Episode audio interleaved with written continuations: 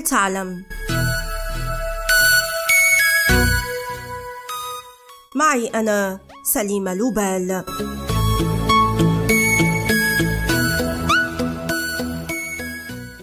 أهلا بكم. حلقة اليوم ستكون عن تداعيات الحرب الروسية الأوكرانية على الصناعة. الصناعة في العالم تختنق والسبب ليس بعيدا عن روسيا وأوكرانيا. تابعوا.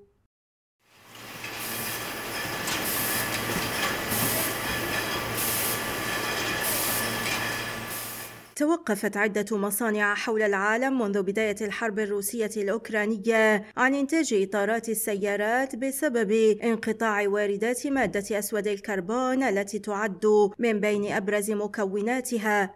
ويبدو أن هذه أولى تداعيات الحرب ذلك أن روسيا وأوكرانيا هما الوحيدتان اللتان تنتجان هذه المادة الأولية ولكن الوضع ينطبق أيضا على المعادن النادرة.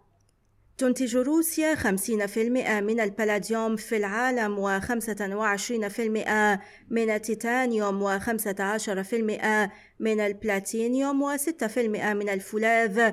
وهي ثاني منتج للألمنيوم في العالم وثالث منتج للنيكل. واما أوكرانيا فهي فاعل اقتصادي رئيسي في إنتاج الغازات إذ يصل نصيبها في السوق العالمي لغاز النيون إلى 70% و40% للكريبتون و30% بالنسبة لغاز زينون. ولا يستبعد أن تضطر الكثير من الشركات العاملة في قطاع السيارات والطيران والمناجم والتعدين إلى توقيف إنتاجها خلال الفترة المقبلة. بسبب نقص هذه المواد رغم أن العقوبات لم تطلها بعد لكن توقف عمل ميناء أوديسا سيحول دون وصول الواردات الروسية.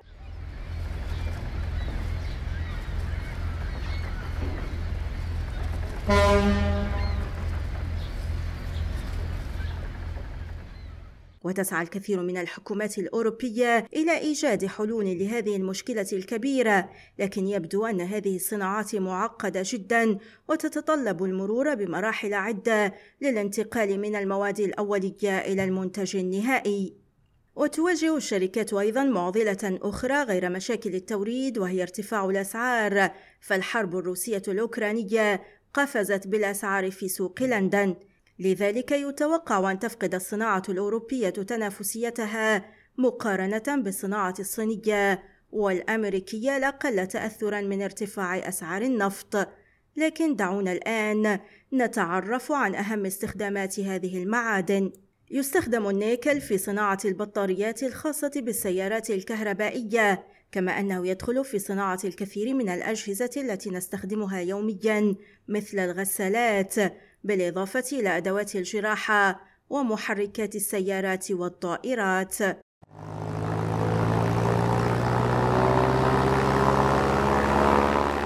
وأما الألمنيوم فيستخدم في صناعة علب المشروبات وأواني الطبخ ولكن أيضا في صناعة النوافذ والشرفات والسيارات والطائرات وفي الصناعة الكهربائية. بينما يدخل غاز نيون ذو الجودة العالية والذي تنتج نصفه الشركات الأوكرانية في صناعة الرقائق الإلكترونية والتيتانيوم فهو حاضر بقوة في صناعة الأجهزة الطبية وفي صناعة أنابيب النفط وفي الصناعات الكيماوية وصناعة السيارات والطائرات. والنحاس فيدخل في صناعة الكبلات والسكك الحديدية وشبكات تبريد الهواء الخاصة بالسيارات كما يستخدم في الهندسة المدنية والهندسة المعمارية. وفي الأخير يدخل البلاتينيوم في صناعة الساعات والمجوهرات وأيضا في الصناعات الكيماوية وصناعة تجهيزات المختبرات الطبية.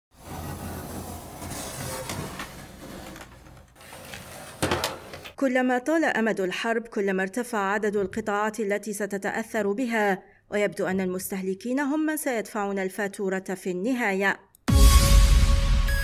والآن إلى اللقاء مع حلقة جديدة من بودكاست هل تعلم؟